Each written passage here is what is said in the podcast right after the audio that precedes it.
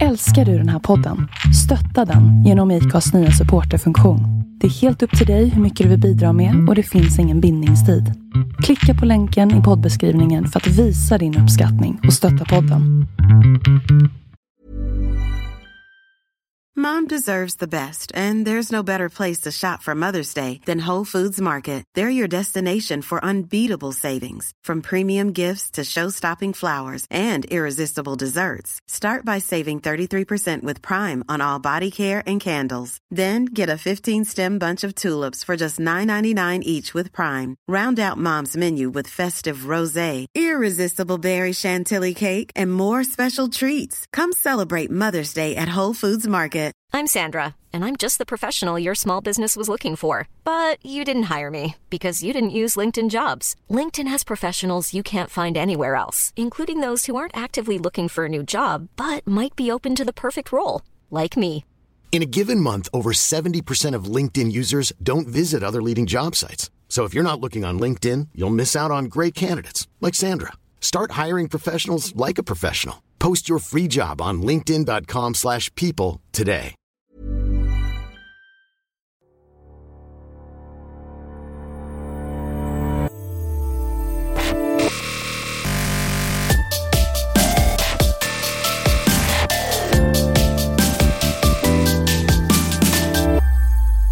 Hej och välkommen till det 20 avsnittet av Bloggbusiness! Idag så ah, kör vi ett litet eh, jubileumsavsnitt och då kommer det bli lite annorlunda upplägg här.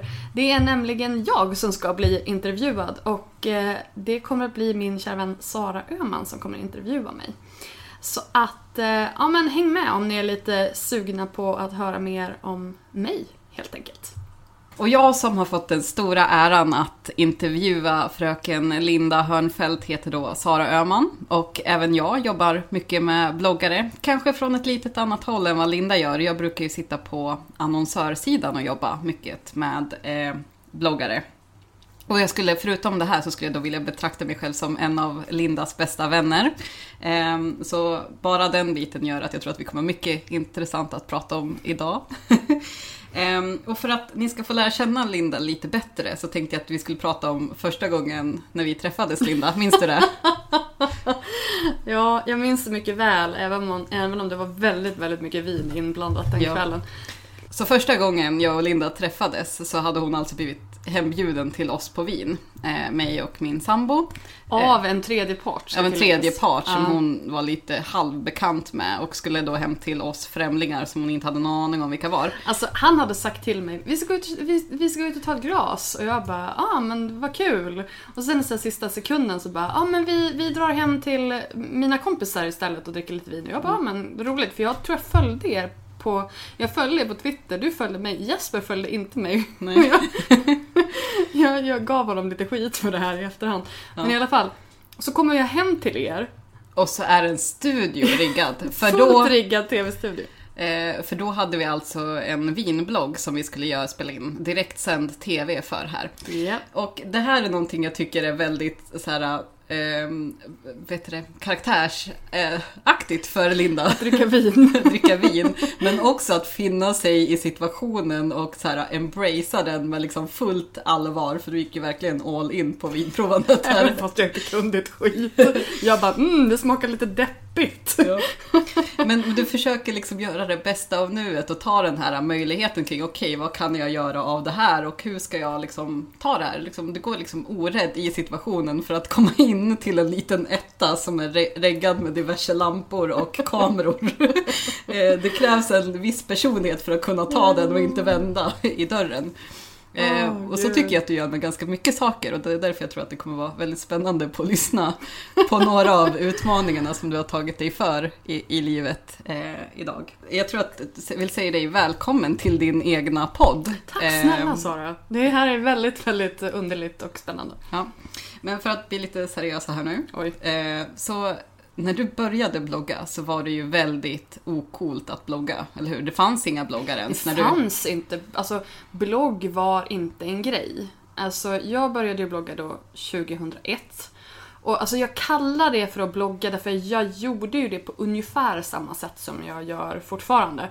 Men jag hade ju egentligen en egen liten hemsida. Det var ju HTML-kodning där i början och när man skulle göra ett nytt inlägg då var det så här enter, enter, enter, enter och så fick man skriva. Det fanns liksom inga kommentarer, det fanns inga databaser, det fanns inga arkiv om man nu inte skapade dem själva. Så, eller själv. Så att när man skulle göra en ny layout då fick man ju liksom eh, ändra om i varend, på varenda arkivsida och så här, klippa och klistra in texten och ändra fonter för sig. Det fanns inga CSS-filer, det fanns liksom ingenting. Det här var stenålderswebb på riktigt. Um, ja, så att eh, vad var frågan? jag, jag hade inte ens hunnit ställa frågan, det är väl typiskt dig att också börja pladdra på. Men hur kom du på att du skulle göra det här? Det var väl det som Alltså jag började blogga när jag flyttade från Övik. Um, alltså jag flyttade från Övik, det här var hösten 2001. Jag hade precis fyllt, eller jag fyllde 21 på våren. Hade slutat min utbildning, uh, var ganska trött på Övik. Skulle väl därifrån som alla som, du vet, efter skolan då drar vi liksom. Mm. Um, så att jag flyttade till närmsta stad, jag flyttade till Umeå. Um, och flyttade ihop med en killkompis och började liksom blogga antar jag för att, alltså tanken var väl typ att så här, familj och vänner skulle kunna hänga med men ingen visste ju vad en blogg var för någonting och det här att du vet www.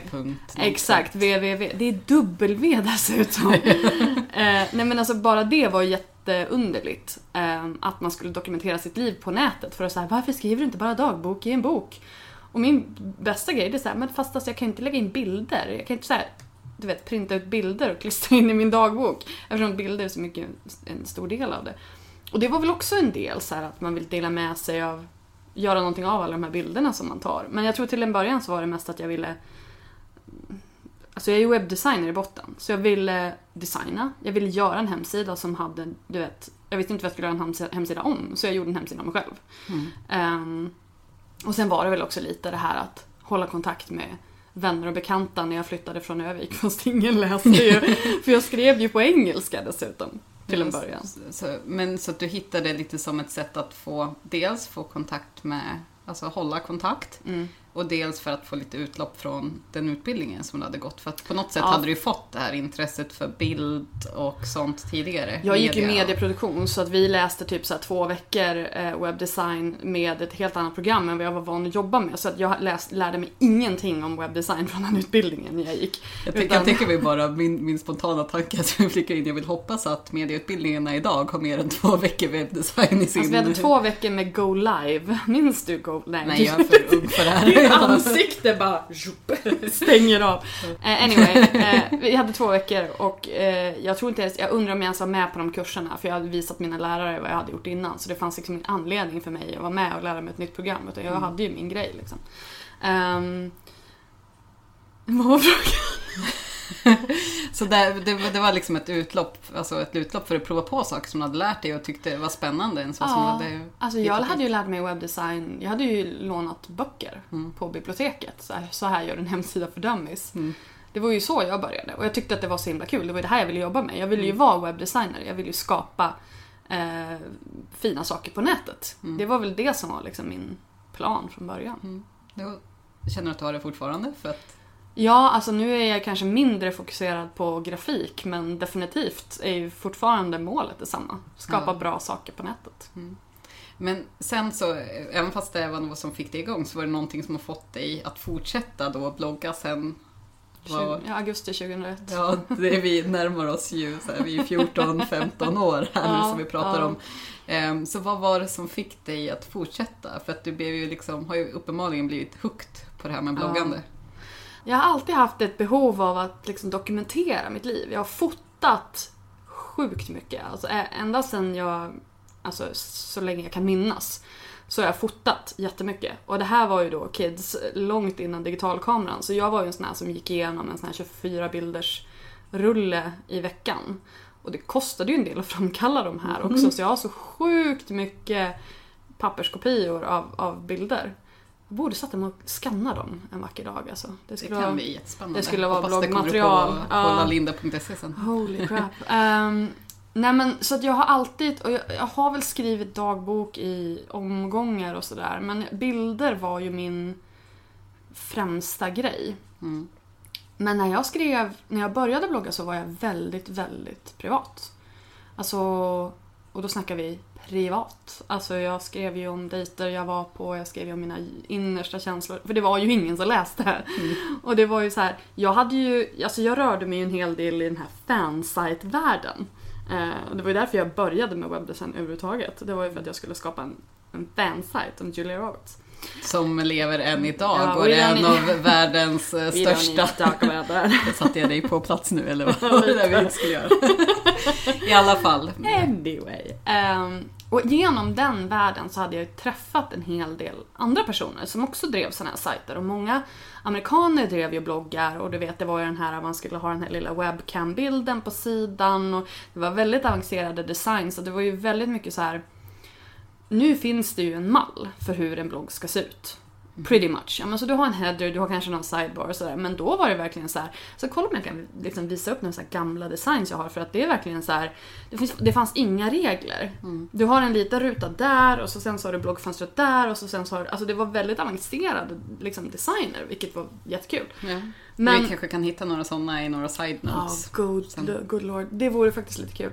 Jag träffade mycket annat folk över liksom på andra, andra håll i världen. Jag hade ju liksom kompisar i, i USA som drev andra sajter och så här, som också hade bloggar. Mm. Och vi läste ju varandras bloggar. Eh, så det var ju lite grann där jag kom in i liksom bloggvärlden till att börja med. Någon form av bloggvärld. Eh, och så sen typ 2000, vad kan det ha varit? Tre, fyra kanske, så kom det ett CMS som hette Movable Type. Vilket är liksom någon slags föregångare till Wordpress. Och jag bara halleluja, nu kan man lägga in det i ett system, det finns ett arkiv, man kan kommentera, oh my god, det, är, det var en helt ny värld som öppnade sig. Och ett tag så fanns det även ett sånt här litet skript som man kunde lägga in, det var typ ett litet ett litet JavaScript eller någonting som man kunde lägga in i HTML-koden så att man hade kommentarer under varje inlägg. Oj, ja. stort. Med ett litet, litet pop-up-fönster. Minns du pop-up-fönstren? Knappt. nej, nej. Ja, gud alltså jag känner mig verkligen som en dinosaurie. Mm. Mm. Men du, du säger att du så, här, så att det började som en så här pro, privat exponering där du mm. ville vara berätta för alla om andra och fick ändå den här feedback, feedbacken, så den här sociala aspekten var uppenbarligen väldigt viktig för dig då. Är den lika viktig för dig fortfarande idag tycker du? Gud ja, jag menar en, en blogg är ju... Alltså en av, de, en av de stora grejerna det är ju just att man får feedback. Alltså, jag är fortfarande, den primära syftet för mig att blogga är fortfarande för mig själv. Mm. Och dokumentera mitt liv för att jag vill, det är liksom någon, det är min dagbok. Kanske inte lika privat som, som någon annans dagbok är. Eh, eller vad, vad en, en skriven dagbok skulle vara. Men för mig så handlar det väldigt mycket om att hålla koll på vad jag har gjort med mitt liv. och i och med att jag har hållit på så himla länge så har det blivit en naturlig del i mitt liv. Mm. Eh, men självklart så är fortfarande interaktionen både online och offline. Jag får ju även liksom kommentarer ehm, och feedback på min blogg offline av vänner och, folk som jag träffar. Mm. Men sen när det, det, gick från vidare från att när liksom då Wordpress och så vidare kom till liv och blogg.se och bloggen blev stor och det var mm. vanligt att blogga eh, så var ju du med i den svängen. Mm. Eh, från, att, ja, från att det inte var någonting som, som kanske lite så här nördar satt och gjorde på fritiden till att det blev någonting som blev ganska vanligt att göra. Kan du berätta om mm. vad som hände där? Jag gick ju över då till Wordpress och till svenska um, ehm, i maj 2005, så det är tio år sedan. Och det var ju, då hade man sett att det kom lite så här. Det var ju Ebba von Sydow, det var Elin Kling var väl med där, det var lite mindre privata bloggare, Linda K. Eh, som liksom började ploppa upp och jag bara, ah, det här börjar ju bli en grej liksom. Eh, Sandra Beijer började ju där i samma veva också. Så att jag startade ju som sagt bloggen på svenska då och Alltså där 2005 så var det fortfarande ganska så här trevande. Men sen 2006 startade, alltså de flesta som har bloggat länge idag, de startade 2006. Um, ehm, så att det var väl då det kom någon slags så här boom, fast fortfarande early adopters. Mm. Um, Veckorevyn Blog Awards var första gången, alltså det var första gången 2008, men 2007 så var det en liten sån här mini get together som var någon slags preview av Blog Awards. Ehm, så det var väl då det började ta fart. Ehm, och jag minns, alltså jag, jag, pratar om det hela tiden men det är ju, Ebba von Sydow är ju min bloggängel liksom. Och jag, alltså bloggbranschen har henne att tacka för så sjukt mycket.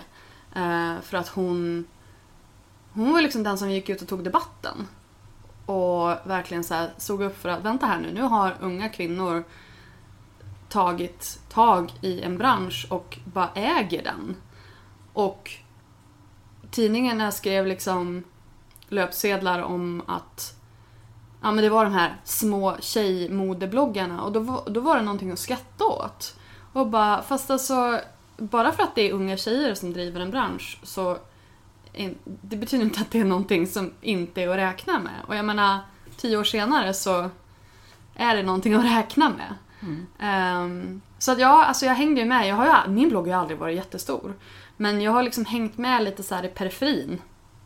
Hela tiden. Observerat ganska mycket och Ja, och varit liksom vän med... Precis, det. och varit vän med folk som har haft stora bloggar och sådär. Men jag tror att problemet, inom situationstecken, eh, med att min blogg aldrig har blivit stor, det är ju för att jag aldrig har...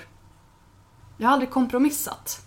Mm. Eller jag har aldrig så här gjort strategiska val. Jag pratar väldigt mycket om strategi men jag har aldrig gjort det själv. Men det i sig är ju en strategi. Eller det i sig är ju ett val. Mm. Det är ett medvetet val att jag har velat göra min grej på min nivå. Jag har aldrig jag har liksom så här, försökt nischa mig när man skulle nischa sig. Mm. Uh, men det har liksom aldrig funkat. Så att jag har ju liksom alltid gått tillbaka till det här personliga vardagslunken. Liksom. Och sen försökt skapa bra innehåll bara utifrån det. Ja. Du har ju haft massa andra jobb också under den här tiden. Vad är det alltså, du har gjort för någonting?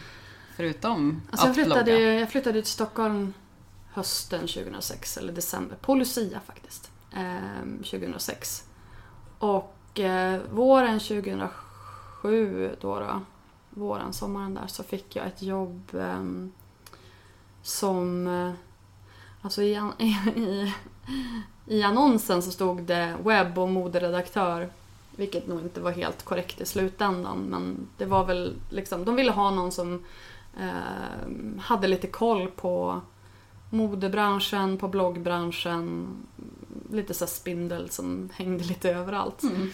Och det var ju då ett, ett smyckesföretag som hade butik på NK och som även hade ett eget smyckesmärke. Så att jag kom liksom in där, i slutändan så var mitt, när jag slutade, jag satte mina egna titlar där för att, okej okay, vad är det jag gör för någonting? Så att jag var marknadskoordinator och så var jag pressansvarig. Um, ehm, så jag, där började jag ju få mycket kontakt med andra, alltså stora, lite större bloggare med moderedaktörer och sådär för att jag skulle liksom göra PR för det smyckesmärket um, som vi hade. Så att där jobbade jag mm, tre år ungefär. Och sen så reste jag jorden runt. jag tog tjänstledigt och eh, pluggade på halvtid. Alltså, jag har ju aldrig, liksom, efter den här medieproduktionsutbildningen 2001, där jag läste webbdesign i två veckor, så har jag ju aldrig pluggat. Så jag har ju aldrig haft någonting på papper av allting som, som jag har lärt mig. Och då kände jag någonstans där att det var ett bra läge för mig att få någonting på papper. Så att då läste jag en eh, distansutbildning till webbredaktör. För sådana som redan jobbade i branschen. Så det mm. var ju ingen nybörjarutbildning utan det var, liksom, det var ett år på halvtid. Um, och då läste man liksom projektledning och allt vad det nu är för någonting. Mm. Webbdesign och lag och rätt och sådär. Um, och då läste jag den som sagt på distans och så bodde jag i New York samtidigt. För att det är liksom så här, jag fyllde 30, jag har alltid velat bo i New York, jag bara, äh men nu kör vi. Now is the time. Now is the time. Så att eh, jag, som sagt, jag bodde i New York i tre månader, pluggade och sen reste jag jorden runt och sen kom jag hem och så blev jag uppsagd. nej, men det var inte, nej men det var inte därför utan de hade väl liksom hintat lite grann om det innan för de skulle lägga ner smyckesmärken och då fanns det inte riktigt tillräckligt med tid för mig. De ville ha mig på en halvtid, jag gjorde lite liksom, på sidan av för dem men det, mm. ja, det blev som det blev. Eh, sen var jag, när jag kom hem då från eh, min resa så var jag arbetslös i två månader tror jag. Sen fick jag jobb som ehm, e-commerce och eh, online communications manager på Evatling.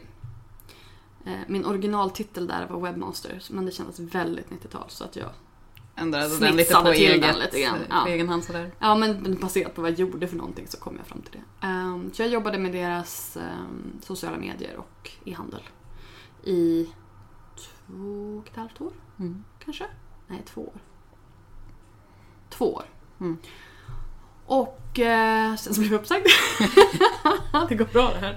Nej, men det var lite samma sak där. Alltså de skulle göra, de skulle göra ehm, en liten rockad internt. Jag tycker att det är lite så generellt för oss som har jobbat som e-commerce, so sociala media managers. Mm. Ibland har de behov av oss och ibland finns det inte tillräckligt mycket jobb för oss. Och Nej, men precis. man de satsar skulle- på olika saker. Exakt. och De skulle liksom lägga ut en del på byrå och så skulle de göra en liten om, omrokad internt. Så att det var ju liksom no hard feelings där och det är typ det bästa jobbet jag någonsin har haft. Det var helt fantastiskt att jobba där. Eva Attling är en otroligt inspirerande person. Ehm, både liksom som privatperson och som yrkesperson. Så att, eh, men då, där i samma veva så bestämde jag mig för att starta eget. Så att jag har varit egen nu. Jag har ju egentligen drivit eget företag på, i, på liksom fritiden sen 2010, så det är fem år. Mm. Men på heltid då sen 2013. Så det är två och ett halvt år nu. Kändes det som ett lätt beslut då eller sökte du andra jobb? för fan. alltså det var ju det läskigaste jag någonsin gjort förutom att liksom dra utomlands i ett halvår. Ja. Ehm, det var skitläskigt. Alltså det, det hjälpte ju att man hade haft företag i ehm, ett par år innan så att man kunde liksom hela bokföringen och att man hade liksom den tekniska biten på plats. Men jag har ju aldrig sett mig själv som en säljare. Och att jag då skulle ut och sälja in mina tjänster. Alltså det är det där, alltså som frilans så är det det läskigaste man kan göra. Det är ju just det här att försöka sälja sig själv i jantelagen Sverige. Och så ska man försöka ta plats och säga att jag kan det här. Det är skitläskigt. Jag är inte med dig men det, det, Nej, jag, men- jag, det finns ju vi som tycker att det är skitkul också. Men det, finns ju är de kul, som inte... Det är kul men det är läskigt. Ja, absolut. De, det de, de, de två behöver inte ta ut varandra. Ja. Nej, du är ju sjukt bra på...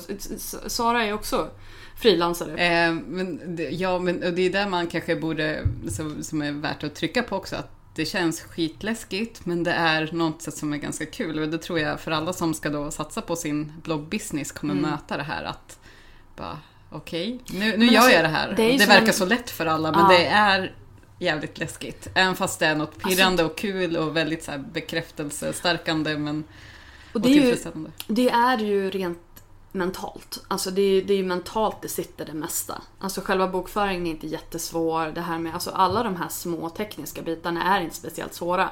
Utan det är ju just det här att hitta styrkan i sig själv och hitta det här att man vågar kasta sig ut. Alltså jag, jag jämför det literally med en berg och dalbana.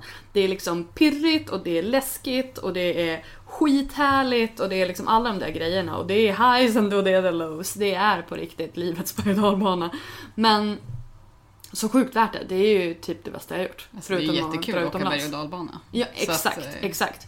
Ehm, sen så kanske lowsen är lite sådär Man skulle kunna men- skippa dem ibland. Ja, sådär.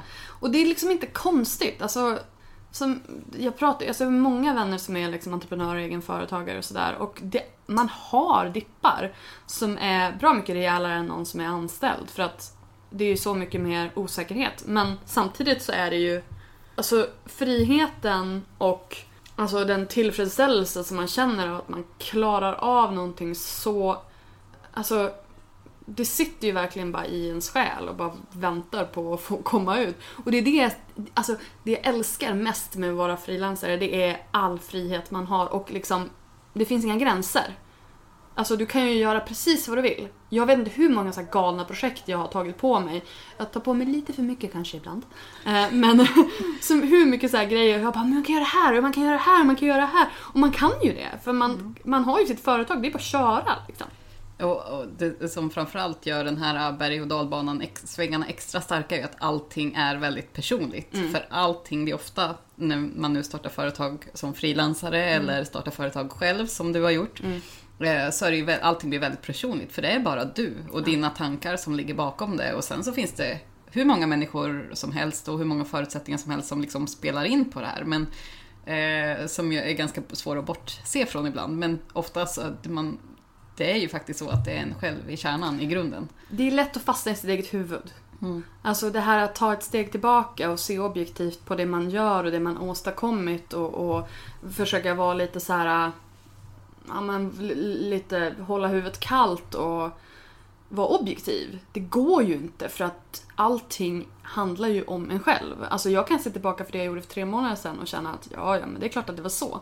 Men när man är i det då är det ju som att man är mitt i en, hur- en hurricane liksom. Och man har man så här bara what? Man har ingen aning.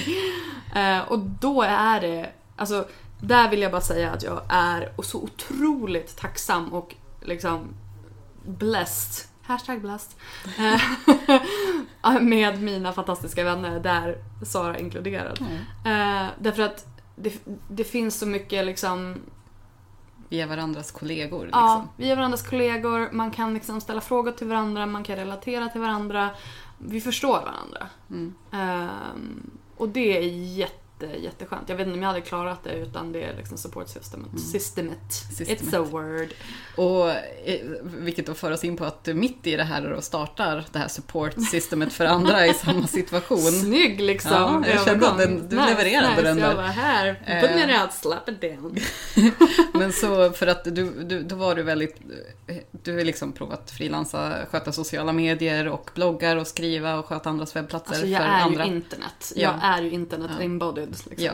Ja. Ehm, Men där också den här passionen för bloggare och vad bloggare Mm. gör och driver, hur de driver marknadsföringen framåt. Och vet hur ensamt det är att vara bloggare och vilket stöd man kan få. Eftersom du ändå har haft det här kontaktnätet av andra bloggare runt omkring dig hela tiden som du hållit på. Eh, Så startar du Better bloggers. Eh, och jag, jag var ju med dig under den här perioden, så jag vet ju hur den här idén låg och grodde i dig väldigt länge. Men hur kom det sig att du tog steget och liksom bara, men nu kör jag på den här grejen? För att jag tror, misstänker att det inte var den första gången du tänkte på det. Nej, alltså den här tanken har ju legat med mig alltså sen... Ja, jag vet inte. Tanken har ju liksom funnits där hela tiden. Men jag har väl kanske inte liksom så här, alltså det har ju funnits där i och med alltså Veckorevyns bloggportal, alltså bloggportalerna började ploppa upp och jag sa nej men jag ska, det, är inte en plopp, det är inte en portal jag vill göra. Och det verkade liksom vara det naturliga sättet att samla bloggare. Och jag var såhär, nej fast jag vill inte, det är inte det. det, är inte det. Jag, jag vill inte så här starta en sajt annonsera, tjäna pengar på. Alltså det är inte liksom, och jag vill inte att det ska vara exklusivt för en liten grupp. Utan jag vill ha någonting där alla som vill vara med och alla som vill ha stöd av varandra får vara med. Mm. Så man kan växa där tillsammans. För Man, Exakt. det tycker jag kan vara, eh, bryta in här, men det som man är när bloggare från början, man ska vara stor, man ska vilja satsa stort, men man vet ju aldrig vilken av alla bloggare som är som kommer slå. Och Nej. det är ju bara att man har, försöka passa på Och man vet förutsättningarna inte för det. hur man ska göra. Alltså jag tror att det är liksom det också att många av bloggarna som har liksom slagit hittills, de har ju haft Alltså det är en jävla massa tur. Eller om man ska, alltså opportunity meets, eh, vad är det de säger? Opportunity meets förberedelse. Ja, precis. Preparation. Nej men alltså just det här att man, man är förberedd, man har, man har då i det här fallet eh, innehållet, man har imagen, man har brandet, man har allt det där. Och så sen kommer liksom den här vågen som man ska hoppa på och hänga med. Och jag tror att här har det ju handlat mycket om, alltså när det gäller Isabella Löwengrip eller Elin Kling eller Angelica Blick, alla de som har blivit stora så har det handlat om att man är på rätt plats vid rätt tid, man har rätt uttryck och sen så vågar man hänga med. Ehm, Man planerar, planterar ut de där möjligheterna ganska ofta också. Exakt. Många vet inte hur de ska gå tillväga. De är såhär, ja men jag bloggar, jag har min lilla grej, men hur ska jag nå ut? Hur ska jag liksom, hur ska jag få alla pusselbitar att passa ihop?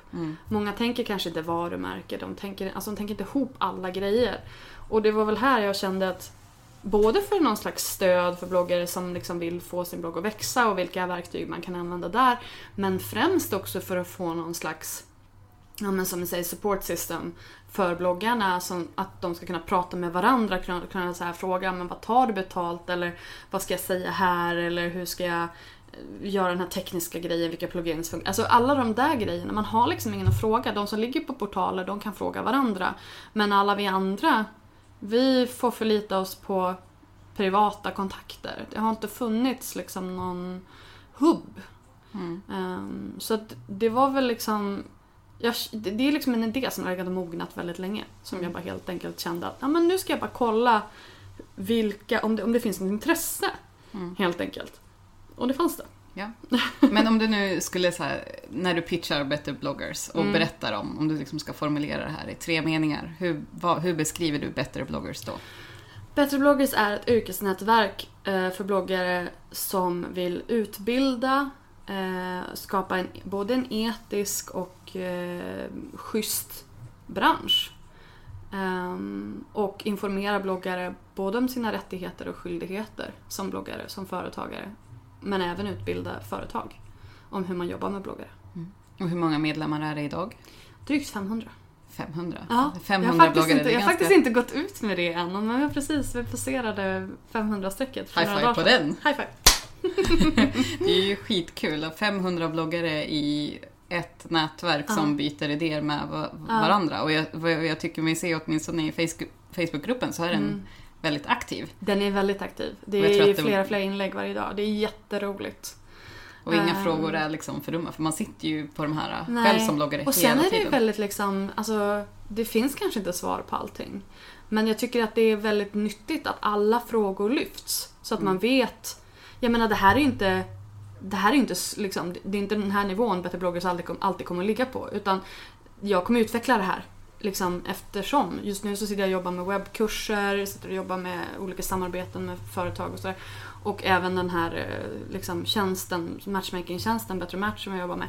Så att tanken är ju att allting ska liksom jobbas framåt och det som är så himla skönt det är ju att folk lyfter ju sina frågor, de lyfter ju sina undringar så att det är ju väldigt tacksamt för mig så att jag kan plocka upp dem och liksom forma nästa steg. Mm. Ehm, så att jag tycker det är otroligt kul att det är en sån aktiv grupp. Mm. Det finns ju då en, en dold, en, inte en dold, men en sluten Facebookgrupp för medlemmarna.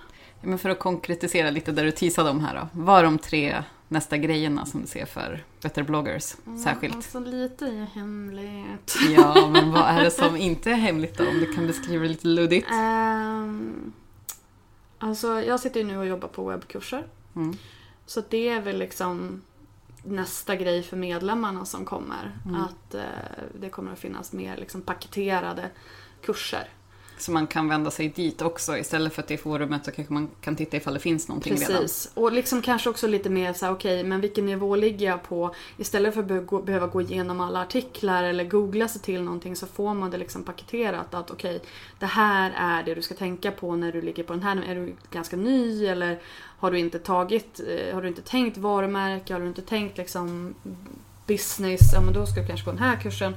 Eh, lite mer så här paketerade liksom, nivåer på vad man behöver tänka på. Mm. Ehm, så det är liksom en grej som jag hoppas kunna släppa en första kurs ja, ganska snart. Eller jag vet jag liksom... Nu säger Linda snart och eh, det här med snart har jag och Nej. vill bara presentera Lindas version av Linda snart är här. otroligt tidsoptimistisk. Eh, Så normalt sett om man säger att man ska lansera en sajt, då brukar man kanske prata om ett halvår fram. Linda tänker ju två dagar och det inte hänt på två dagar så blir Linda väldigt frustrerad. Så att jag misstänker att vi kommer se den här kursen om max om en månad, eh, räknar vi med då att första kursen släpps. hope, Alltså. Sen ska vi lansera en ny sajt också.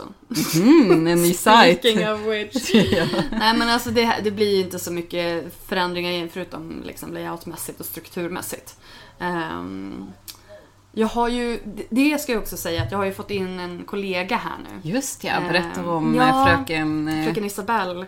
Alltså, hon kom ju som en liten gift from heaven verkligen. Jag fick ett mail från Isabelle. Det här, det här alltså jag har inte pratat om det, eller vi har inte pratat med... Jag har gett ett, en liten, ett litet intro eh, i nyhetsbrevet och i gruppen. Men generellt sett har jag inte pratat så mycket om Isabelle, så nu ska vi prata om Isabelle. Mm. Eh, jag fick ett mail från Isabelle i våras. eh, Där hon skrev i ämnesraden “Jag vill vara med på din resa” och jag bara oh, Vad är det här? Nej men och Isabelle var då ute och reste precis som jag gjorde för några år sedan. Just det här reste jorden runt och försökte liksom hitta vad vill jag göra med mitt liv typ. Och hon är en sån här liten diamant för oss i startupbranschen som inte som vet att hon vill ha någonting eget och hon vill liksom bygga någonting från grunden men hon vet inte vad. Alltså jag har ju fått så här förfrågningar från andra startups som vill att jag ska vara med i deras startup. Och jag bara, men jag vill ju göra min grej, jag vill inte göra din grej. så att, men Isabella var så här, ja men alltså jag vill hitta en bra idé och så vill jag köra på den. Men hon ville vara med och bygga någon annans grej för hon hade ingen egen. Och så hade hon lyssnat på poddarna och hade liksom haft lite koll på Better bloggers och skrev liksom att hon Ja, alltså nu ska jag vara ödmjuk och sådär, men hon skrev att hon tyckte att det jag gjorde var jävligt bra. Eh, så att eh, hon ville liksom vara med på ett hörn. Så att eh, nu jobbar hon med mig. Och Mm. liksom skriver det mesta av artiklarna och kommer med sjukt mycket bra idéer. Och det är bara så himla härligt att ha någon att bolla med. Mm.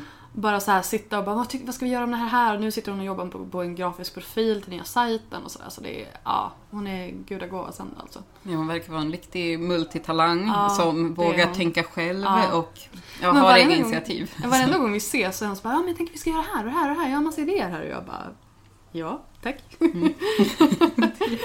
Precis. Presentera. Eh, nej men så, så det är ju liksom en grej. Och så sen så har vi ju då Better Match. Som är en matchmakingtjänst mellan eh, bloggare och företag. Som eh, alltså, hjälpa företag att hitta den bloggare som passar för dem. Så om man ska slippa göra som jag gör i mitt fall, sitta och googla och söka igenom och kolla alla bloggrollar och sen så föra in i ett stort Excel-dokument hur många bloggläsare, hur många e- e-postadresser, adresser, telefonnummer, eh, Exakt. Instagram-följare och sånt. Exakt. Det kommer finnas på Det plats. kommer att finnas på plats. Wow. Och sen just det här att vi kommer att koppla, eh, vi kommer ha som, som krav att alla kopplar Google Analytics. Så att det kommer att vara liksom verifierade siffror som vi kommer att få in i systemet. För jag menar, det är ju det som är ett av de stora problemen som jag tror företag har. De kan ju inte, de kan inte säkerställa siffrorna på något sätt. Visst, man kan skicka en skärmdump på Analytics, men den, alltså det finns Photoshop. Ja. Alltså, så att jag menar, ehm, det kommer att bli en väldigt spännande grej och jag känner att det verkligen behövs. Och det, det är inte bara liksom, ja visst, det är företagen kanske som först och främst kommer att ha användning av det för att de kommer hitta bloggare. Men jag menar, bloggarna behöver ju bara sitta där och vänta, eller jag att säga. Eh, så det kommer att bli liksom ett online media kit. Mm. ehm, där man liksom bara väntar på att folk ska hitta åt en. Och det kommer vara främst Better Det Bloggers-medlemmar kommer som, bara har- vara Better Bloggers medlemmar. som finns med här. Ja. Och där har du en, det- den, ni har börjat bygget redan idag, Mm. har jag för mig. Mm, vi har börjat bygga. Mm. Så att eh, det här kommer att komma, alltså jag vågar inte säga något datum för ni vet, alltså utveckling är ju Nej, inte och som sagt, riktigt... Linda är ju väldigt eh, positiv i Ja, sina alltså min, de- deadlines här. min men partner han bara, alltså du får tagga ner lite grann. Jag bara, kan vi göra det här nästa vecka, nästa vecka? du ser Eh, det, du är en entreprenör ändå. Det här är ju Ja. det bästa dragen hos en entreprenör. Att, Att breathe down someone's neck. yes. ja, det kommer jag att göra. Mm. Eh, nej men jag hoppas att det ska komma en beta i slutet av hösten. Mm. Mm. Hösten är ju också lagom Ja, definierbar. exakt. det är jättebra. Ja, men det är kul att se att ni håller på och bygger nu i alla fall. För att Ja. nu håller den på att bli till verklighet. Mm. Så framförallt jag då som sitter ofta på andra sidan och letar bloggar att samarbeta med Mm. eh, kommer ju eh, ja, ha det väldigt skönt framöver. Precis, jag. och jag menar anledningen till att vi bara kommer använda Better bloggers medlemmar det är för att jag vill ha någon form av kvalitetsstämpel eller någon form av så här, att det finns en ambition till att eh, vara en professionell bloggare och göra rätt för sig. Mm. Följa lag- lagar och regler, ehm, ha koll på skatter etc. etc. Mm. Så att man liksom Ja, men så att man är legit helt enkelt. Sen Precis. kommer vi att göra, det här kommer ju finnas i kurserna och det kommer att liksom, jag kommer att sammanställa lite mer vad man förväntas ehm, hålla sig till. Mm. ehm, om man ska finnas med i det här. Men ehm, ja, jag hoppas att det ska bli en kvalitetsstämpel i alla fall. Mm. Vilket då för oss in på det här med att vara legit och Mm.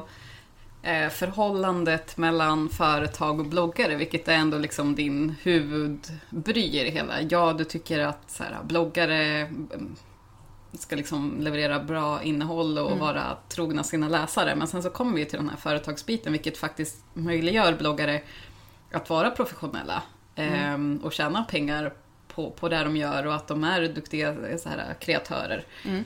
Ehm, och, och du nämnde någonting med siffror, att man liksom inte riktigt vet. Och tycker du att det är så idag att företag och bloggare de har liksom accepterat i sin relation att det, allting är inte riktigt så sanningsenligt? Sanningsenligt vet jag inte om jag vill säga, men att man inte riktigt kan eh, liksom garantera. Mm. Det tror jag att man mer eller mindre har vant sig Alltså, jag tror att företag känner att ah, ja, men vi testar bloggar och så får vi se hur det går men jag vet inte riktigt om vi kommer att kunna mäta det därför att eh, jag vet inte, alltså som marknadsförare så skulle jag vilja ha så här, okej, okay, men exakt hur mycket läsare har du? Vad kan vi förvänta oss? Vad har du för deadline? Alltså alla de här grejerna och det är ju där det blir lite så här att skilja på PR och annonsering. Alltså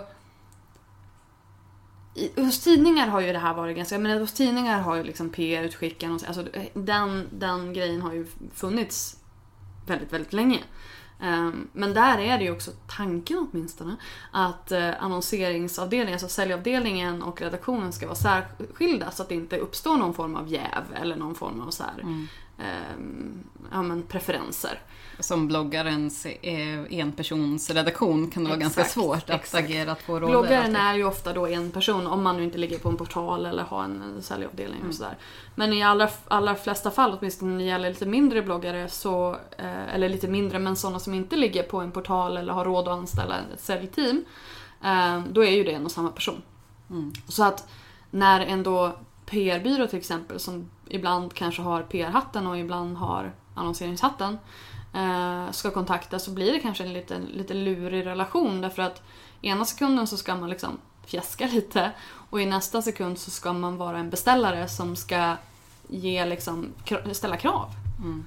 Eh, och jag tror att där är det liksom väldigt, väldigt viktigt för alla inblandade att vara väldigt tydlig med sin roll och vad det är för någonting man är, man är ute efter. Mm.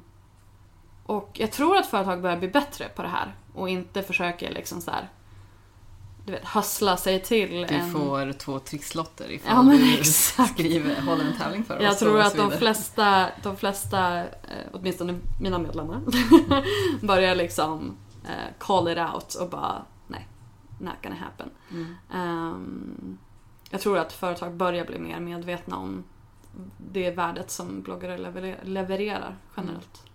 Men där du säger ändå så att man, har prov, man, man provar sig på ganska mycket. Och mm. känslan jag har av företagare är att alla vet att man inte kan vara utan vad som nu trenden säger, influencers, marketing, liksom blogg, marknadsföring via bloggare och Alltså för bloggare, när jag säger bloggare så menar jag ju liksom Instagrammare, influencers. Allt, ja precis, därför att de flesta har ju en bas på en mm. blogg. Och en bloggare det betyder ju webblogg. Mm. Att man loggar någonting på, webben. Så när jag säger bloggare så räknar jag in instagrammare, youtubare, mm. alltså generellt influencers. Mm. För det är sällan man bara har en kanal. Ja. Men, och det är någonting som alla vet att man inte kan vara utan ändå. Men vad jag tycker man ser man försöker hitta den här affärsmodellen som ska funka ändå. Alltså vad är det, för att det är en sak att köpa There's never been a faster or easier way to start your weight loss journey than with PlushCare. PlushCare accepts most insurance plans and gives you online access to board-certified physicians who can prescribe FDA-approved weight loss medications like Wigovi and Zepbound for those who qualify. Take charge of your health and speak with a board-certified physician about a weight loss plan that's right for you. Get started today at plushcare.com slash weight loss. That's plushcare.com slash weight loss. plushcare.com slash weight loss. Hey, Dave. Yeah, Randy. Since we founded Bombus, we've always said our socks, underwear, and T-shirts are super soft. Any new ideas? Maybe sublimely soft. Or disgustingly cozy. Wait, what? I got it. Bombus. Absurdly comfortable essentials for yourself and for those facing homelessness. Because one purchased equals one donated. Wow, did we just write an ad? Yes. Bombas. Big comfort for everyone. Go to bombas.com slash ACAST and use code ACAST for 20% off your first purchase. Burrow's furniture is built for the way you live. From ensuring easy assembly and disassembly to honoring highly requested new colors for their award-winning seating, they always have their customers in mind. Their modular seating is made out of durable materials to last and grow with you. And with Burrow, you always get fast, free shipping. Get up to 60% off during Burrow's Memorial Day sale at burrow.com slash ACAST. That's burrow.com slash ACAST. burrow.com slash ACAST. Annonser via AdWords och så vet man att jag får så här mycket trafik. Eh, och så har jag den här konverteringen på det. Mm. Eh, men med bloggar har det inte varit rikt, riktigt lika självklart. Mm. Ehm, och man provar lite olika saker. Allting från liksom betalt per bild som man lägger ut eller per inlägg. Eller så. Och sen provar man också ha med bloggare i olika kampanjer eh, och så vidare. Mm. Eh, och för din del med, med Better Match kommer det att gå att göra alla de här bitarna. Ja, alltså Better Match kommer ju bara säga vilken bloggare som passar för ditt varumärke och Mm. det budskap du vill eh, leverera ut till din målgrupp. Mm. Ehm, det kommer inte, och sen kommer vi ha ett pris som är liksom ett cirka-pris eh, för ett inlägg. Men det är ju bara för att du ska få någon form av känsla på vad, vad priset ligger på. Och det har ju också att göra med så här, okej, säljer du tvättmedel och ska marknadsföra, tvättmedel var ett skitdåligt exempel. Nu ska vi se om jag har någonting bättre. Mm, mjöl. det bästa exemplet. Jag försöker komma in på matbloggarna. ja, ja. Ehm, nej men alltså, säljer du mjöl, Mm. eller är du Arla till exempel, då, då är du kanske intresserad av bakbloggare Mm. eller matbloggare eller sådär. Och jag menar, en matbloggare kommer ju inte ha lika mycket trafik som Elin Kling eller Angelica Blick eller en, en stor lifestyle-bloggare. Eh, men den, mål, den, den bloggarens målgrupp är ju mycket mer relevant för ditt mjöl än, än vad liksom en, en lifestyle-bloggare kanske skulle vara. Så därför kanske priserna går upp på grund av det. Så det är väldigt mycket beroende på vad du vill kommunicera och till vilken målgrupp beroende på hur nischad bloggaren är. Och sen kommer ju självklart eh, liksom trafik och sådär på det och arbetstid och sådär. Men men nej, det finns liksom ingen så här. det här är vad du betalar som på Facebook, det här är vad du betalar för per konvertering. Därför att det handlar ju också om väldigt mycket om, om när du pratar om, bloggare så handlar det väldigt mycket om trovärdighet. Det handlar om att bygga relation. Det handlar om att du liksom betalar in dig på deras relationer. Alltså en... Eh, vad var det jag kom fram till i min undersökning? Tre av fyra eh, litar mer på... Nej men tre av fyra personer litar mer på vad en bloggare säger än vad varumärket själv säger. Mm. Och det är ju en av anledningarna till att man ska gå via en, en influencer. Mm. Det är ju för att mm, de litar ju på... Och jag menar, det är också så här att bloggare som har någon form av självrespekt och får någon form av liksom... Eh, alltså alla hoppas jag, inte alla, men mina medlemmar. Ehm, skulle ju aldrig liksom sälja sig för någonting som... De säljer inte ut sitt förtroende. De säljer inte ut liksom det förtroende som deras läsare har för dem för bara pengar. De ska ju stå för det de skriver om oavsett om de får betalt eller inte. Mm. Så det handlar inte bara om konvertering. Men så många som jobbar på annonsörsidan som mig vill då jobba med influencers marketing. Men vi har konstaterat nu att ehm, man vet inte riktigt hur man ska göra, hur man ska komma igång och vad man ska, ska se värdet i det här med bloggare. Så att eftersom jag har dig här nu så är jag spänd av förväntan på att få höra hur du tycker om liksom olika former av samarbeten. Så jag tänkte att du bara får svara på vad du tycker om det och sen, sen se, ge en liksom kort kommentar på vad du ser om feedbacken. Om det, Spännande. liksom, ja, men vad man kan få ut av det här. Ja, ja. Mm. Ehm, och då börjar vi med den klassiska eh, erbjudandet som jag tycker att man får mest av allt. Ehm, Från bloggare? Från bloggare, ja. Mm. Kommer jag, kommer jag Mm. ställa frågan Mm. nu här. Eh, och det är betalt eh, det här att, men, jag säger att ta 3 till 5 tusen kronor per Instagram-inlägg. Mm. Om du sponsrar mig med produkter eller liksom någonting sånt där. Mm. Vad tycker du om det? Alltså först och främst, eh, vad är de här pengarna baserat på? Alltså, eh, är, det är, är det i relation till hur många följare man har? Alltså, när det gäller Instagram så är jag sjukt skeptisk. Därför att Instagram är, alltså det är fortfarande väldigt bra exponering. Men att betala för rena Instagram-bilder, då tycker jag att man ska kunna kräva, okej men hur många är i målgruppen? Hur många är från Sverige? Hur många är si och så i den åldern? Och frågan är om folk har koll på det. Det finns lite verktyg som, som mäter det här. Men jag tycker att det kan man definitivt kräva. Och sen så här, hur, hur har du kommit fram till det här priset? Är det bara liksom så här taget i luften eller är det är det baserat på någonting? Så tycker du om upplägget eller tycker du inte om upplägget? Utan på. att sväva ut för mycket här nu fröken Hörnfeldt. Nej men alltså nej, men det beror ju på. Det beror ju på. Alltså jag tycker att man kan sälja ins- Instagram-bilder, helt klart. Men man måste kunna... Ursäkta min hund, vill ha uppmärksamhet. eh, men man måste kunna påvisa relevansen. Mm. Och i vilka fall tycker du att det här upplägget fungerar? Kan du tänka in dig i något scenario?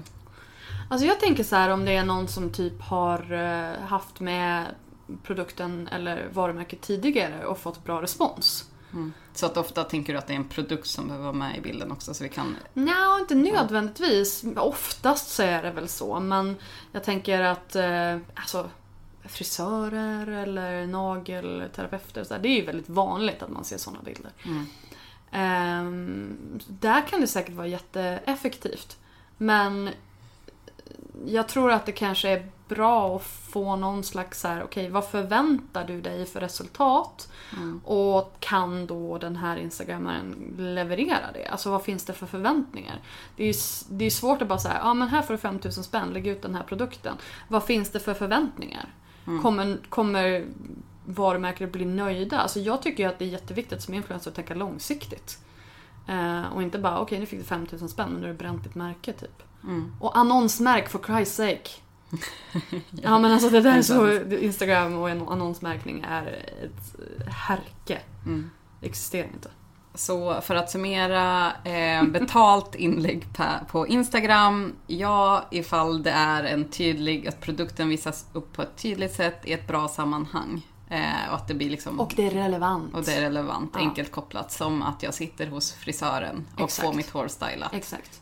Så borde den salongen Det måste kännas naturligt i flödet. Det kan inte liksom bli så här, ja men du är en modebloggare och så helt plötsligt visar du upp tvättmedel. Mm. Eller du visar upp, inte vet jag, någonting som är bara helt taget ur kontext. Då blir det ju så köpt. Mm. Och då kommer inte målgruppen att ta det till sig oavsett. Och nu måste du svara på det som kommer upp först i huvudet. Hur många Instagram-följare måste man ha för att kunna erbjuda en sån här sak, tycker du? Det beror på hur många som är relevanta. Nej jag vet, jag vet. Det är Oavsett. skitdåligt svar. Um, alltså jag tycker inte att du behöver ha så jättemånga så länge de är liksom relevanta. Nej. Ett kryss jag två. bara- Ett kryss, okej, okej.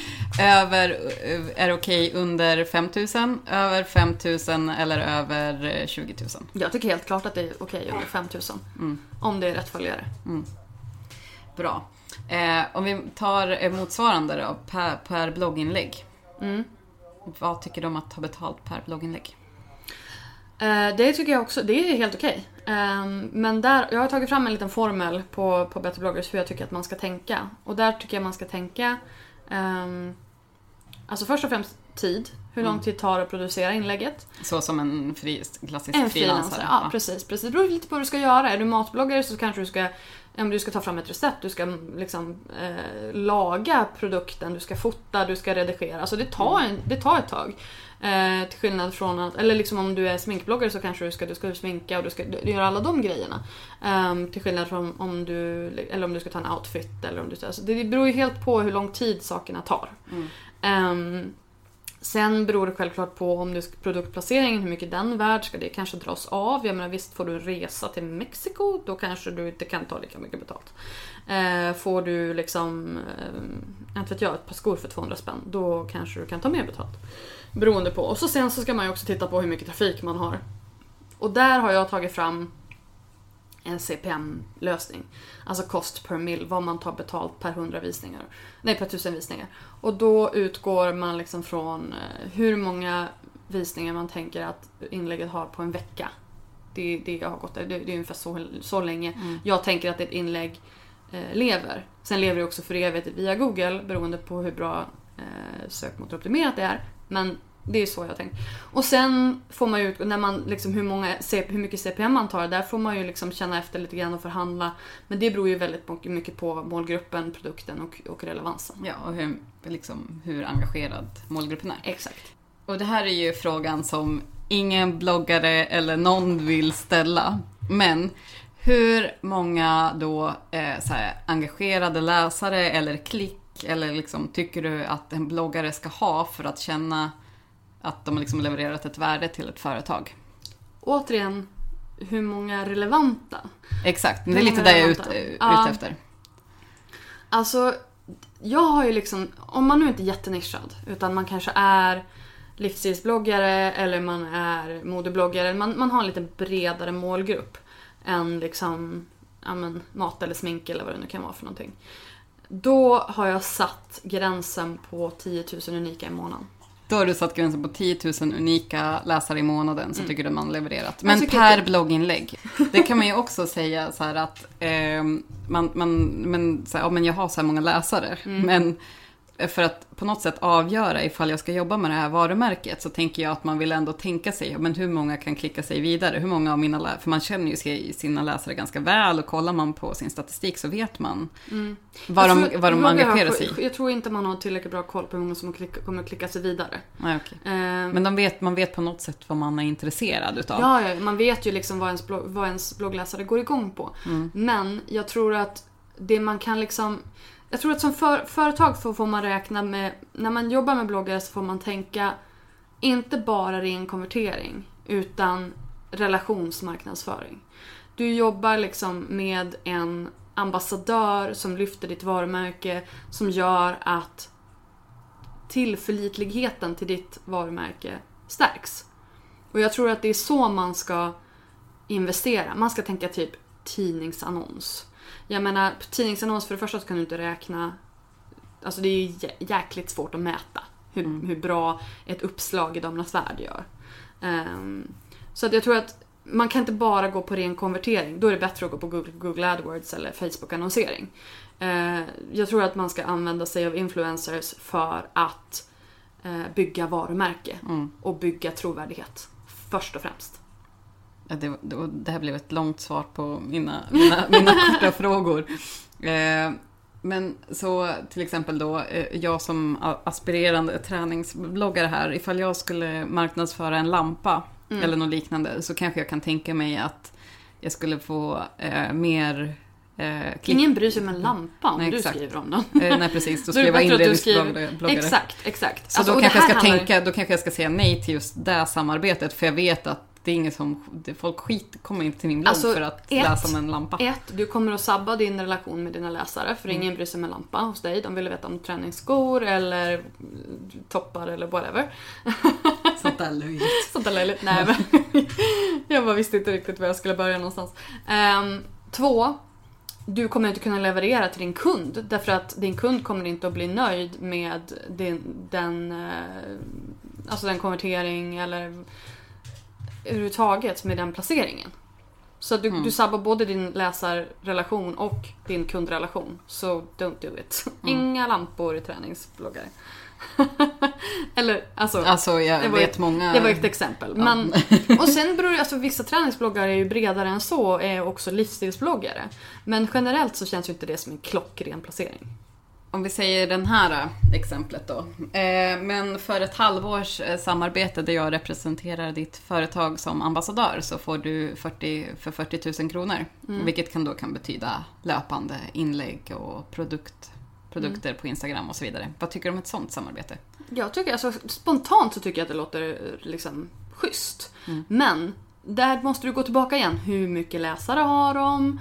Eh, hur, hur många inlägg är det tänkt att man ska göra i det här ambassadörskapet och sådär. Det är klart att du måste gå ner lite mer på detaljnivå och börja räkna.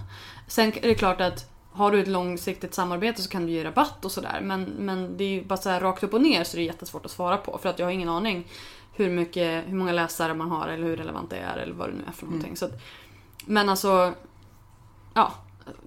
Det låter ju liksom så här, det låter som ett bra upplägg om den siffran är möjlig att flytta på lite grann. ja.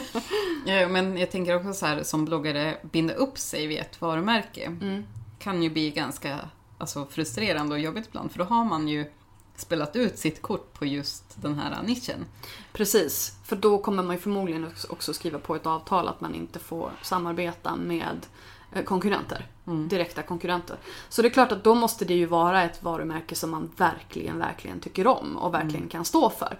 Man ska inte låta de där nollorna bara så här: oh my god, so much money. Utan man måste ju liksom känna i, i, i maggropen att ja men det här är någonting jag kommer kunna stå för i ett halvår. För att annars så blir det ju bara bad will åt alla håll och kanter. Alltså min hund är så sjukt uttråkad just nu. Kolla på Och för er som inte That följer- smiling face alltså. Och för er som inte följer henne på Instagram, vad är det för plagg då vi kan... Hon heter at Leia the Stray. Mm. L-E-I-A the Stray. Hon är jätte, jätteglad just nu. Hon har ingen svans, bara den där lilla, lilla tippen bara wagen just nu. Hej gumman, är du lite uttråkad? Okej, för att ta det sista exemplet här då. Det är nummer fyra är vi inne på va? Mm. Ja, Tror jag. Produktsponsring plus eh, affiliate eh, kickback. Vad tycker du om det upplägget? På avtal eller? Mellan bloggare och annonsörer. Alltså det beror ju helt på hur avtalet ser ut. Är det, eh, får du produkter med förutsättning att du ska skriva om dem, för då är det ju skit. Eh, alltså, nej men då har du ju, för det första så måste du då, då måste du skatta för de här produkterna som du har fått om du har ingått. Om du har ingått ett avtal eh, med ett företag att du ska skriva om produkterna. Om du får dem då ska du skatta för produkterna vilket du går ju back i dina pengar. Liksom.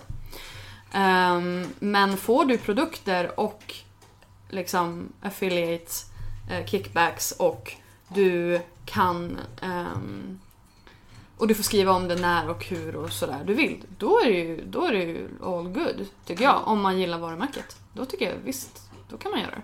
Men inte, inte om, det är, om du får produkten mot att du ska skriva om den. Alltså det finns två varianter. Antingen så gör du ett produ- produktutskick eh, med förhoppning om att bloggaren ska skriva om det. Då är det, det är ett pressutskick liksom. Du skickar ut det och säger hej, hoppas du gillar det här. The end, typ. Eh, gillar liksom bloggaren produkten så kommer hen att eh, fota, skriva, eh, sådär. Och där får man ju hoppas att produkten gör sitt jobb, helt enkelt. Och självklart också den relationen som du har byggt upp med den här bloggaren sen innan.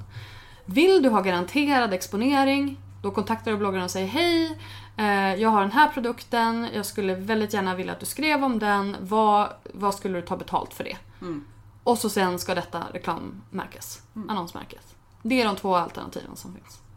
När jag jobbar med bloggare från annonsörsidan så brukar jag eh, klassific- klassificera bloggare som small, medium och large. Baserat på hur många läsare de har. Vad skulle du klassa som en stor, medium och liten bloggare? Hur många läsare behöver man ha? Det här är en fråga som jag får ganska ofta. Eh, återigen, jag hatar att jag är så himla tråkig. Att det inte finns någonting som är svart eller vitt. Men det beror ju på nisch.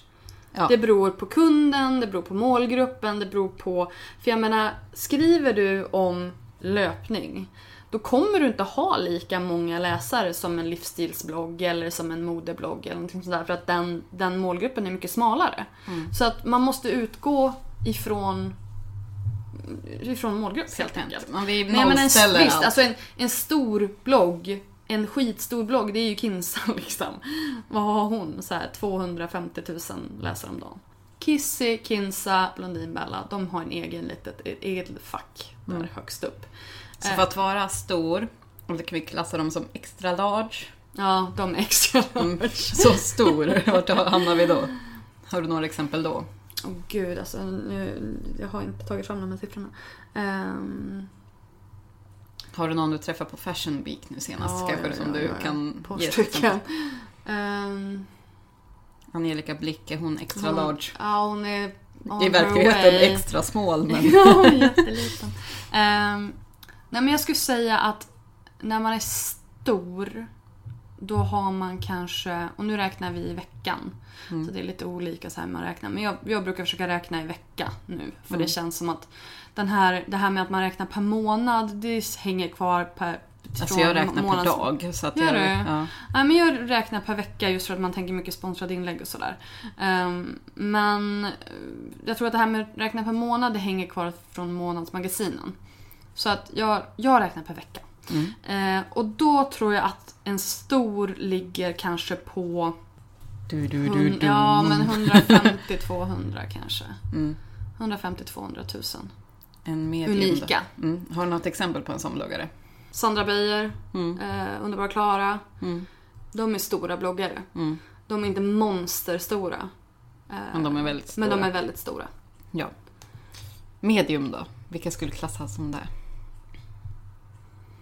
Alltså då ligger man kanske runt 50. Mm. Mellan 50 och 100. Över 100 skulle jag nog säga att man är stor. Mm. 100 000 i veckan. Ehm, I mellanklassen, eller mellan, de är fortfarande stora men ja okej, mellan. Vi, vi, vi liksom, här någonstans är ju jag mikroskopisk. Men jag själv. men men okej. Ehm, där skulle jag väl räkna typ Jonna Jinton. eh, Linda Hallberg. Eh, även fast man inte har, eh, man vet exakt hur många läsare en blogg har så har man ju i, i egenskap av att ha studerat bloggar väldigt länge en känsla för Mm. hur många läsare de har. Det kanske inte alltid stämmer och har man bloggat väldigt länge så kan det ju fluktuera en hel del. Precis, precis. i hur Men många sen så har ju det här också att göra med liksom, alltså Therese Alvén, Flora Wiström. ehm, det är ju sådana som jag skulle räkna var liksom, Medium. ja. Medium låter lite tråkigt men, Och vad sa du då? 50 000 läsare i ja veckan? men typ. typ. Mellan, mellan, du- kanske, mell, mellan kanske 20 och 50. Eller mm. ja, fast 20 och 100 men runt 50 i snitt typ. Gud vad jag pladdrar. Och därefter är man small, alltså mi- mindre bloggare. Ja, och är man under 10 000 då, är man, då kanske man ska jobba lite mer, lite mer på sin trafik innan Mm. man börjar eh, kolla på samarbeten. För att, alltså så här, självklart kan du få ett samarbete om du är liten och nischad. Ja, och du jobbar i en kanske särskild stad i Ex- Sverige exakt. som är mindre än Exakt. Stockholm. Exakt. Och skapar du bra content så kan du bli uppmärksammad i alla fall. Och du kan ju få skapa content som liksom Alltså att det blir en del av jobbet, att du skapar content för kunden. Eh, som du publicerar även på din blogg men även så att kunden får använda det Ja, så, själv. så man får användning av det sen. Precis. Man skapar en film eller någonting sånt. Men det jag tänker och det som jag liksom har pratat med när, när jag har pratat med bloggare som vill att jag ska sälja åt dem. Då är det så här, fast det, om du har under 10 000 i månaden så kommer det inte finnas tillräckligt mycket pengar. Det är inte värt det. Mm. Det är inte värt tiden att lägga ner på att försöka sälja, förhandla, kanske om det ska in en tredje part som ska sälja. Det blir för lite pengar. Mm, I slutändan. Så Ja. då är det bättre att du gör din grej, gör den tillräckligt bra och så Exakt. att du får in Jobba trafiken. på trafik. Jobba på trafik. Har du under 10 000, jobba på trafik. Sen Mm. kan du liksom... ehm, och det här är liksom empirisk studie. Eh, li- Alltså jag, det, är inte, det här är inte skrivet i sten någonstans. Det är klart att du kan få samarbeten även om det är mindre. Mm. Men jag skulle inte lägga mitt krut där. Om du vill jobba som bloggare så måste du arbeta upp trafiken först. Mm. Eh, till att börja med så är du eh, betydligt hårdare än vad jag är på mina gränser där. Men jo, men du, så... jobbar ju, alltså det, det, du är ju lite mer nischade bloggare också. Ja. Så det är klart att är man nischad så kan, så kan man gå ner till hälften. Så, Ja. så är det ju mycket möjligt att det är. Eh, men sen så undrar jag, vad ska man då, om, man, om, man, om vi ska ge lite tips här. Mm. Eh, vad ska man göra för att öka sin trafik? Det är ju den ständiga frågan som alla bloggare som kommer igång. Och för att det tycker jag man kan se, man kan, ha, man kan se bloggare som har så bra bilder och content. Mm. Framförallt på Instagram så finns det så, må- så många som har så här 200 följare men alltså magiskt innehåll Mm. på Instagram. Men vad ska man då göra? Pratar vi blogg eller Instagram nu? Både och egentligen. Men vi kan hålla oss till blogg. Jag bara kommer blogg. Um, alltså, först och För att främst. få mer trafik. Först och främst sociala medier. Eh, finns på de plattformarna som är relevanta för dig. Alltså Instagram är väl det som, är, liksom, som känns mest aktuellt. För där kan du dela mycket av samma material som du har på bloggen. Du kan använda hashtags. Eh, jag läste något inlägg som sa att om man vill öka sin trafik på Instagram så skulle man satsa på att göra 100 interaktioner med andra konton om dagen. Mhm. Alltså Check så här, ja, men just det här, följa, eh, likea, kommentera andra konton. Och då snackar jag inte några copy-paste, gilla min sida-inlägg. Utan, Nej, men liksom utan genuina- autentiska, genuina liksom, kommentarer på andras. Hundra om dagen. Det känns som ett heltidsjobb. Men, eh, men ja, det... Eh, men på bloggen, som sagt, sociala medier och få spridning där. Eh, SEO. Skitviktigt. Eh, lär, lär dig SEO. Eh, har du Wordpress, skaffa Yoast. Y-O-A-S-T. Det är ett plugin som är fabulous. Um, men sen skulle jag vilja säga att man ska lyssna på podden jag hade som jag gjorde med Sandra Lundin. Hon är en helt... Hon är fantastisk på det här med relationsbyggande. Um, just det här att kommentera på andras bloggar. Interageras, bygga relationer eh, med andra. Hon, alltså, hon lägger, så här, var tredje dag eller sånt där, så lägger hon tid på att gå in hon får rätt mycket kommentarer ska tilläggas Mm. också. Eh, att gå in på de som har kommenterat på hennes blogg. Hon går in på deras bloggar och skriver kommentarer på deras innehåll. Inte bara så här tack för din kommentar utan verkligen så här engagera sig i deras innehåll. Och det tycker jag är fantastiskt. Inte bara att hon liksom faktiskt så här tar sig den tiden och, och sådär utan att hon faktiskt genuint är intresserad av vilka som läser hennes blogg. Och det tycker jag är så himla fint. Ehm, men generellt så just det här kommentera på andras bloggar. Jag vet inte, det beror på lite, lite på vilka bloggar man läser. Men jag läser en del modebloggar. Och det är faktiskt väldigt dåligt med kommentarer på just modebloggar. Eh, även om de har liksom asmycket läsare så är det inte jättemånga som kommenterar. Så liksom skriv en kommentar, var liksom autentisk, skriv någonting som du faktiskt är, liksom, som du tycker. Ehm, för har de så här fem kommentarer så kommer du att få uppmärksamhet därifrån. Det, det, det är någonting som jag har lärt mig bara så här råkade lära mig. Jag skrev en kommentar på jag vet inte vad det var, om det var Linda Hallberg eller vad det var för någonting. Och fick skitmycket trafik från bara den kommentaren. Eh, just för att det är inte sådär, jag vet inte om det var just hon, men det är inte jättemånga som lämnar kommentarer. Men det är många som läser.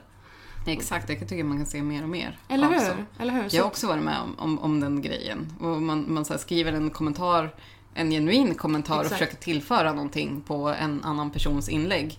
Eh, och, och själv får mycket så feedback tillbaka för Mm. att det springer vidare. Eh, jag vet att du också har fått här artiklar Mm. eh, i, i tidningar eh, av det här. Det var, faktiskt också helt, fått det var faktiskt helt bisarrt. Det var en... eh, Det var Gymglam va? Mm, det var det. Som hade skrivit en eh, artikel om, eller hade skrivit ett blogginlägg om Nike som försökte göra en liten fuling. Och då skrev jag en kommentar på det inlägget eh, varpå Expressen ringde mig. För att jag hade kommenterat på hennes inlägg. Så att folk läser. Ja, fast Så- man inte tror det. Nej Så, exakt. ja. Så kommentera mer.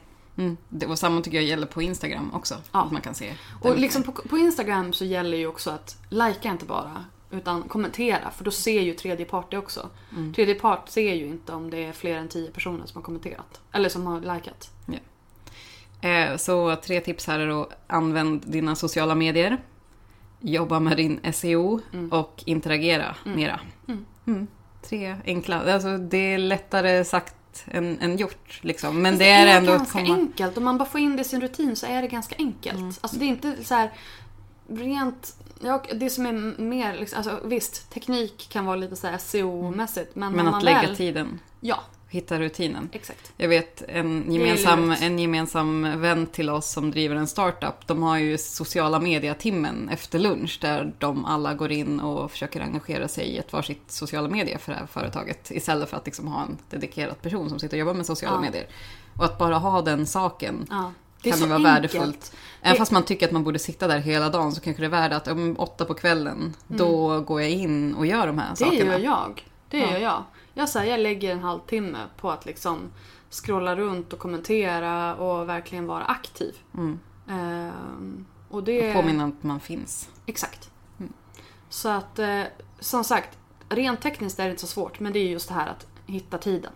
Och, och liksom prioritera den tiden. Men hur då, eh, för du har ju också jobbat med det, du var inne på det precis, men hur ser din personliga sån här sociala mediestrategi ut? Jag vet att du skrev ett inlägg om det, men om du bara vill upprepa lite kort här. Min personliga social media-strategi är ju liksom inte riktigt förankrat i något mål.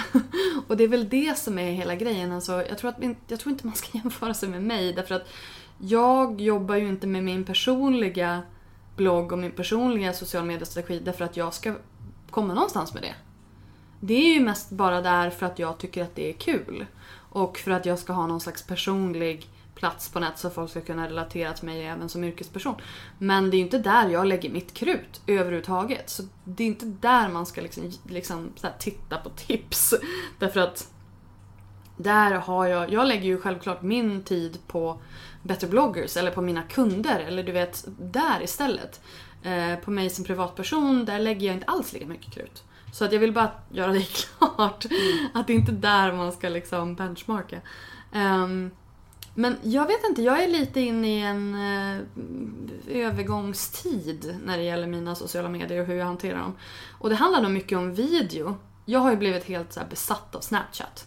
Jag älskar Snapchat så mycket. Jag tror att det är kanske för att eh, tröskeln ligger ganska långt ner, eller liksom ganska lågt. Man mm. behöver inte eh, producera högkvalitetsmaterial för att det ska bli kul. Utan Snapchat har ju liksom tagit platsen av Instagram lite grann. Eh, där man kan vara, det kan vara så snabbt och enkelt och eh, personligt. Medan Instagram kanske har blivit lite mer, lite högre kvalitet.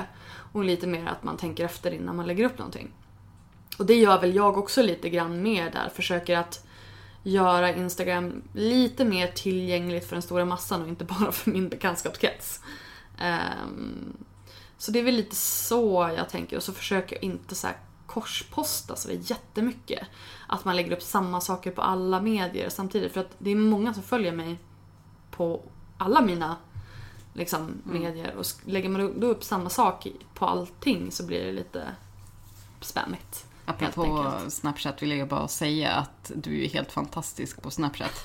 Du är typ en av de få som har förstått vad man ska göra med Snapchat för du är helt hilarious and thank fabulous. You, thank you. Så, eh, La Linda, Linda SC.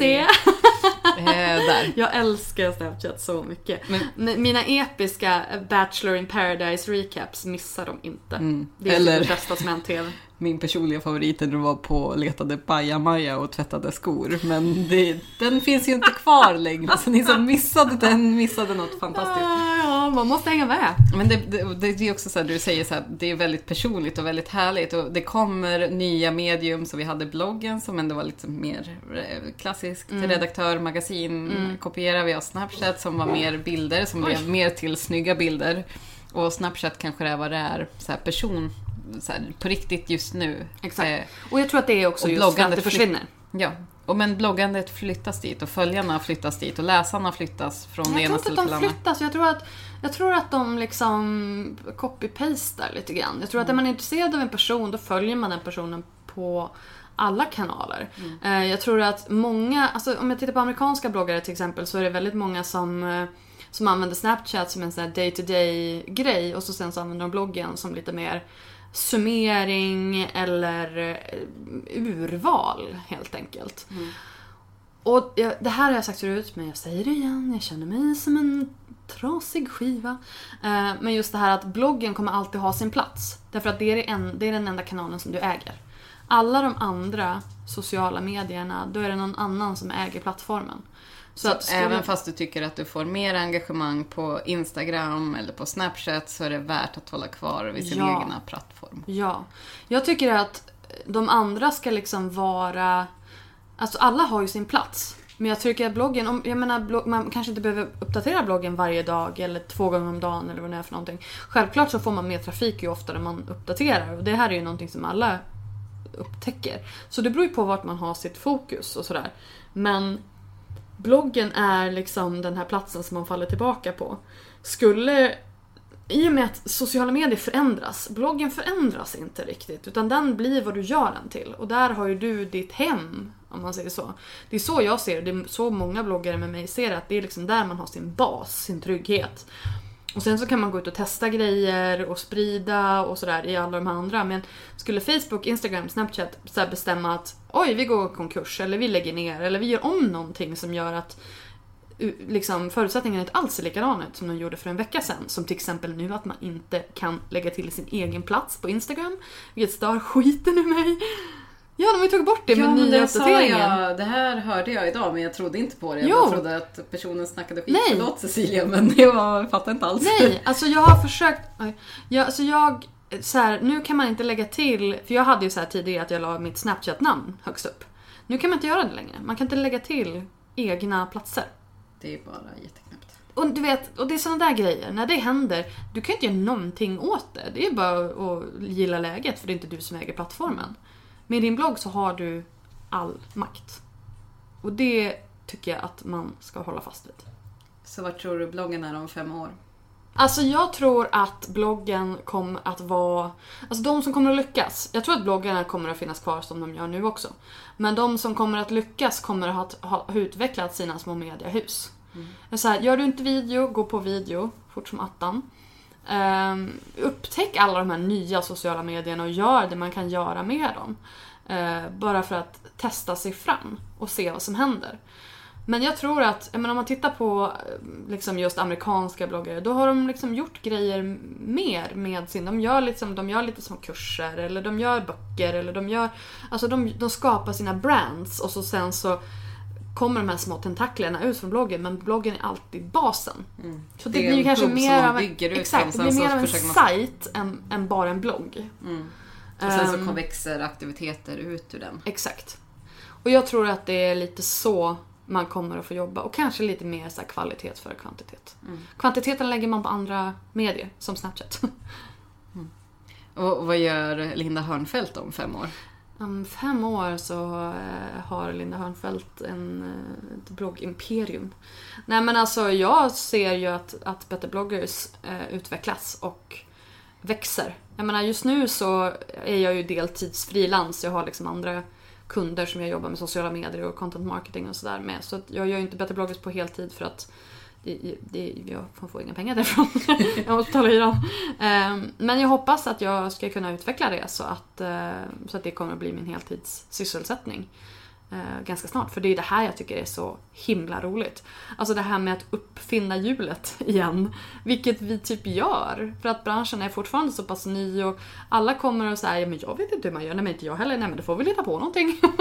Eh, och det tycker jag är skitspännande. Att man bara försöker hitta en väg som fungerar. Och där tycker jag det är så himla viktigt att man har värderingar och någon form av liksom värdighet i centrum och att man tänker långsiktigt. Så att man inte bara tänker att ah, men här kan man liksom tjäna en snabb peng. Utan för alla bloggare handlar det ju om personligt varumärke i, i långsiktigt. Så jag hoppas att vi tillsammans kan bygga en liksom erkänd, etisk, schysst, härlig bransch tillsammans där vi alla kan ta hjälp av varandra och lära oss ihop. Bara i Sverige eller ska du gå internationellt? Nej men alltså det är väl klart att vi ska gå internationellt. Vi måste spread the gospel. Uh, nej men jag hoppas att, jag hoppas att vi kunna, kommer att kunna gå internationellt också. Uh, bloggkulturen ser ju väldigt olika ut i olika länder så det kommer att bli en utmaning. Men vi börjar här hemma så får vi se. Spännande. Mm. Vi får helt enkelt se. Mm. Men jag vill ju kalla dig som det, fan jag är av dig av så här bloggmoden. Eftersom du har varit med alltså innan bloggande ens var en grej. Du har aldrig varit riktigt störst för du har aldrig liksom satsat på din blogg mer än tyckt att det varit jäkligt kul att driva den själv. Men du har liksom observerat, du har jobbat på andra sidan lite grann eh, med att liksom koppla ihop företag och bloggare med varandra. Ehm, och liksom försökt förstå dig på hur det här ska, ska vara. Och liksom gått från att ta bloggen från att vara, ja men som du säger, en, en dagbok till att vara alltså på riktigt en business. Där ja, man är en respekterad kreatör och företagare, vilket så här, bloggare är. Ehm, så jag tror att det är många som har tyckt att det varit väldigt spännande på att lyssna på eh, din, din resa nu här framåt. Ehm, Tack. Eh, så att eh, det ska, bli, det ska bli kul att se vad du gör framöver och framförallt med Better bloggers. För att jag ser verkligen hur det här är, är liksom din passion som du verkligen mm. får leva ut nu och som du har byggt upp under alla de här åren. Mm. Eh, tillsammans då med eh, alla Better bloggers medlemmar. För att jag vet ju att du riktigt inte riktigt vet vad det är på väg. Du har en idé om det men ja. Eh, ja, saker kommer ju hända framöver ja. beroende på vad, vart bloggandet tar vägen. Mm. Och ja, vad branschen tar vägen överlag och vad man mm. har för önskemål. Och vi kan ju faktiskt styra det. Vi kan styra det. Ja, det är ja. det som är så himla häftigt. Vi står ju faktiskt i framkanten och kan styra vart det här är på väg någonstans. Mm. Det är häftigt. Det är häftigt. Och kan ställa ja, men, inte krav, men, eh, ja, men liksom... Men vi kan ju forma, vi kan ju forma vad... plats. Exakt, vi kan ju forma vad vi vill att en blogg ska vara för någonting. Mm. Eh, och vad en bloggare ska vara för någonting. Det tycker jag är skithäftigt. Och att vi alla är inne i mitten av den här hurricanen och liksom... Vi måste bara ta ett steg tillbaka och se att vi faktiskt gör skillnad här och nu. Mm. Det är coolt. Sjukt bra avslutande ord tycker jag. Tack. Eh, tack för att du ville vara med i din podd och alla Better bloggers och bloggbusiness-lyssnares eh, vägnar skulle jag vilja säga.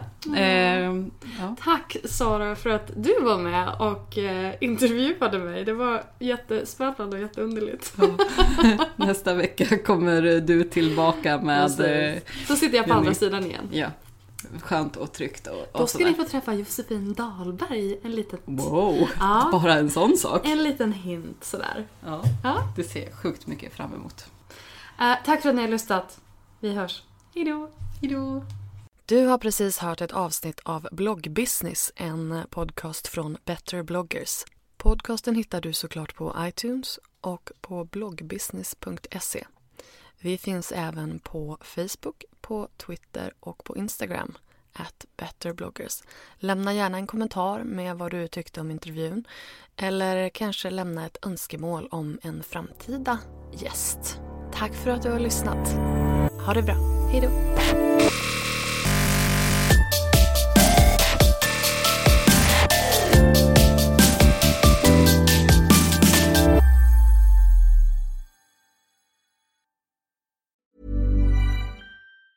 Hi, I'm Daniel, founder of Pretty Litter. Did you know cats tend to hide symptoms of sickness and pain? I learned this the hard way after losing my cat, Gingy. So I created Pretty Litter, a health monitoring litter that helps detect early signs of illness by changing colors, saving you money and potentially your cat's life. Pretty Litter is veterinarian developed, and it's the easiest way to keep tabs on your fur baby's health right at home. Go to prettylitter.com and use code ACAST for 20% off your first order and a free cat toy. Terms and conditions apply. See site for details. Planning for your next trip?